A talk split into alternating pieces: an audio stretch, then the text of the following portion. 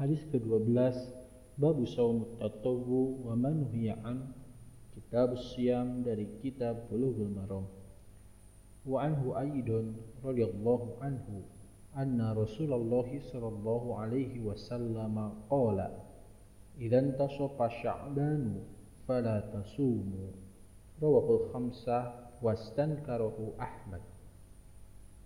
Dan dari Abu Hurairah juga radhiyallahu anhu bahwasanya Rasulullah Shallallahu Alaihi Wasallam bersabda, apabila sudah setengah bulan Sya'ban, maka janganlah kamu semua berpuasa. Hadis riwayat Al Khamsyah.